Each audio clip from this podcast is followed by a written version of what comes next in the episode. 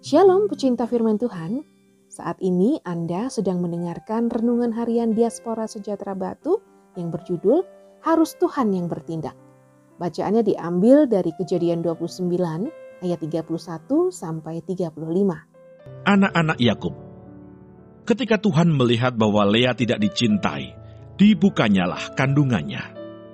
Tetapi Rahel mandul.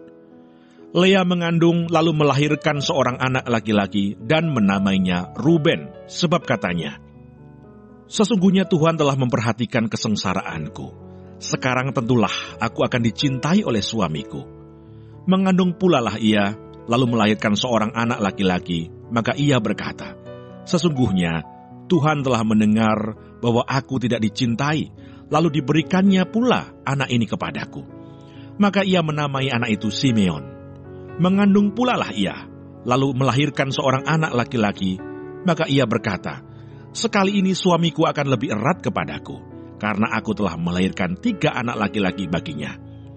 Itulah sebabnya ia menamai anak itu Lewi.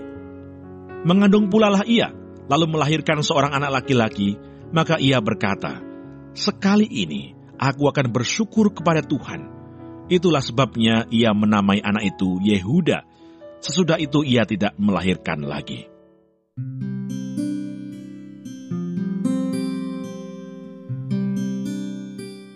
Ketika Tuhan melihat bahwa Lea tidak dicintai, dibukanyalah kandungannya, tetapi Rahel mandul. Kejadian 29 ayat 31. Akibat dari pernikahan yang tidak sesuai dengan standar Allah, maka hati Lea terluka oleh sikap Yakub. Dan Allah melihat kondisi keluarga Yakub secara khusus pada Lea, sehingga karena belas kasihnya, Allah bertindak untuk menghibur Lea, dan akhirnya ia melahirkan empat anak laki-laki atas seizin Tuhan. Anak-anak Lea menjadi cikal bakal suku-suku Israel, dan akhirnya menjadi bangsa yang besar, bangsa yang Tuhan janjikan kepada Abraham. Sekali lagi kita diperlihatkan bahwa berkat dan janji Tuhan kepada Abraham direalisasikan melalui keluarga, Walaupun keluarga Yakub tidak sempurna, namun atas kehendak Allah keluarga ini tetap diberkati.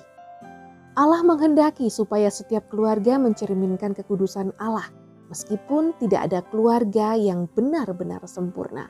Hal ini disebabkan karena ketidaktahuan mengenai konsep pasangan yang sepadan yang Tuhan maksud. Sehingga perjalanan keluarga menjadi berat, konflik tidak kunjung selesai, dan nama Tuhan tidak dipermuliakan dalam keluarga. Namun orang-orang percaya patut bersyukur karena Tuhan bersedia masuk dalam keluarga yang tidak sempurna tersebut dan menjadi nahkodanya. Mengapa Allah bersedia? Allah bersedia karena dia tahu bahwa hanya dia saja yang sanggup menyelesaikan persoalan dan beban berat yang dihadapi oleh keluarga. Apakah saat ini kita sudah mengizinkan Yesus hadir menjadi nahkoda dalam keluarga kita? Sudahkah kita mengoreksi kesalahan-kesalahan yang kita lakukan dalam membangun keluarga dan kembali pada jalan Tuhan? Janganlah kamu merupakan pasangan yang tidak seimbang dengan orang-orang yang tak percaya. Sebab persamaan apakah terdapat antara kebenaran dan kedurhakaan? Atau bagaimanakah terang dapat bersatu dengan gelap? 2 Korintus 6 ayat 14. Tuhan Yesus memberkati.